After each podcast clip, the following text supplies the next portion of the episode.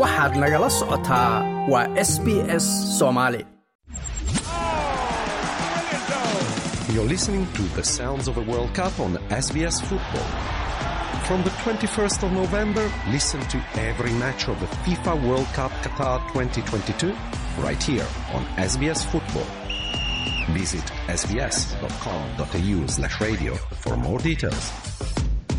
Kulamadii ugu dambeeyey ee wareega lix iyo tobanka koobka kubadda cagta dunida ayaa iminka soo idlaaday iyadoo siddeed xul oo keliya ay iminka ka soo hareen labaiyo soddonkii xul ee uu tartanku ku bilowday. Waxaana la soo calaamadeeyey in xulal waaweyn oo loo saadaalinayay ku guulaysiga koobka kubadda cagta dunida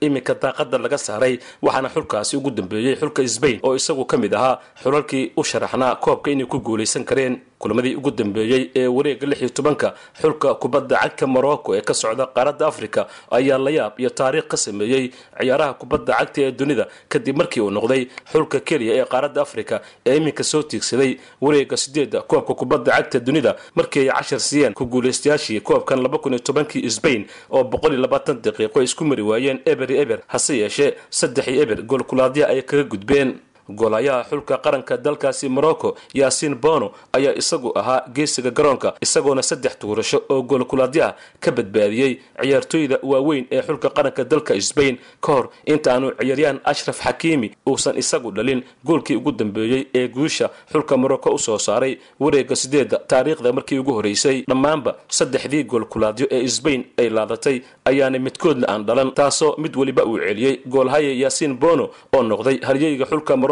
ee dalkiisa u diray wareega sideedda koobka kubadda cagta dunida waana markii afraad xulka sbain goolkulaadyo looga reebo koobka kubadda cagta dunida iyadoo iminka rikoorkaasi aanay jirin cid la wadaagta marka loo eego qaramada kubadda cagta ee dunida. Ciyaartii dhanka kale xulalka bortuqal iyo switzerland ayaa waxaa ka soo baxday natiijo aan la sii saadaalin maadaama nusdersan goolala lagu xaaqay xulka switzerland xulka kubadda cagta ee bortugal ayaana si raaxa leh uga soo gudbay wareega sideed dhammaadka koobka kubadda cagta dunida kadib markii ay lix iyo hal ku xasuuqeen xulka switzerland oo u babacdhigi waayey awoodda wiilasha tababare fernando santos. Tobaraha xulka bortugal ayaa qaatay go'aan geesinimo leh kadib markii uu kaydka geliyey. Halyeyga xulka bortugal cristiano ronaldo waxaana uu go'aankiisii noqday mid miro dhal ah maadaama bortugiisku ay soo bandhigeen ciyaartii ugu wanaagsanayd intii ay ciyaarayeen koobkan kubadda cagta dunida ee iminka socda ciyaaryahanka ronaldo buuskiisa ciyaaray ee lagu magacaabo ramos ayaa wacdaro ka dhigay garoonka isagoona dheliyey saddexleydii ugu horeysay ee koobka kubadda cagta dunida. Sidoo kalena hal gool caawiyey xidiga kooxda benfica u ciyaara gonzalo ramos kaasoo ciyaaray oo keliya kulankiisii afraad ee qarankiisii bortugal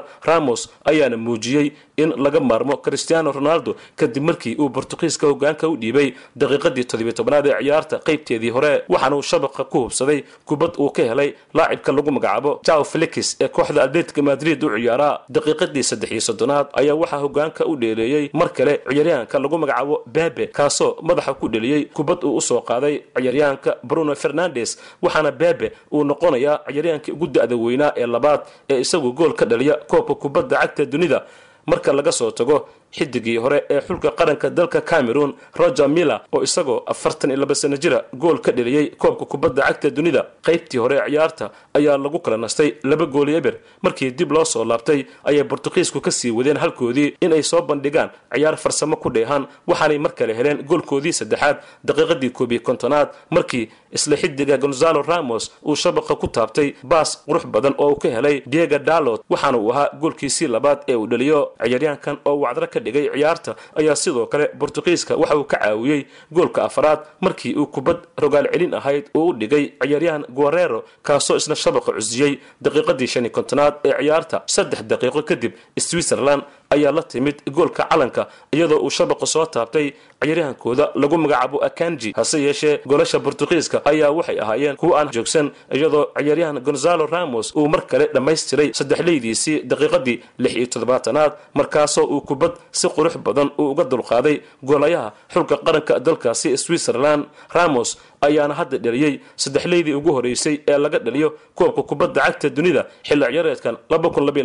ronaldo ayaa bedel lagu keenay daqiiqadii shan iyo toddobaatanaad ee ciyaarta isagoona bedelay ciyaaryahankaasi. Booskiisa ciyaarayay ee gonzalo ramos hase yeeshee ronaldo uma suurtogelin inuu gool helo waxaana goolka lixaad ee ciyaarta ku soo xiray wakhtigii dhammaadka xidiga ay similan qaybta weerarka uga ciyaara ee rafael leo oo bedel lagu keenay kaasoo sheekada ka dhigay lix gool iyo hal in bortugiisku ay ku xasuuqeen xulka switzerland. Sidaana wareega sideed dhammaadka koobka kubadda cagta dunida ay sabtida la balansan yihiin xulka morocco ee qaaradda afrika kulamadii kale ee xiisaha badnaa ee ka horeeyey kulamadan ee wareega lix iyo tobanka xulka brazil ayaa afar iyo hal waxa uu ku dardaray xulka qaaradda eshiya ee south korea iyadoo yabaan sidoo kale looga adkaaday goolkulaadyo markii gool iyo gool ay la galeen xulka karweshiya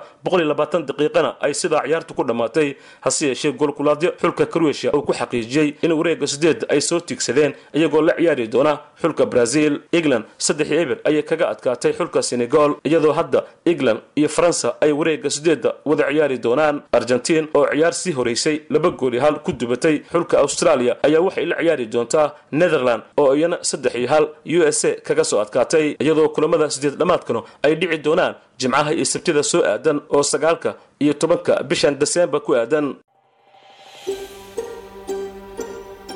Ma doonaysaa sheekooyinkan oo kale? Ka dhegayso apple podcast google podcast spotify ama meel kasta oo aad bodkastigaaga ka hesho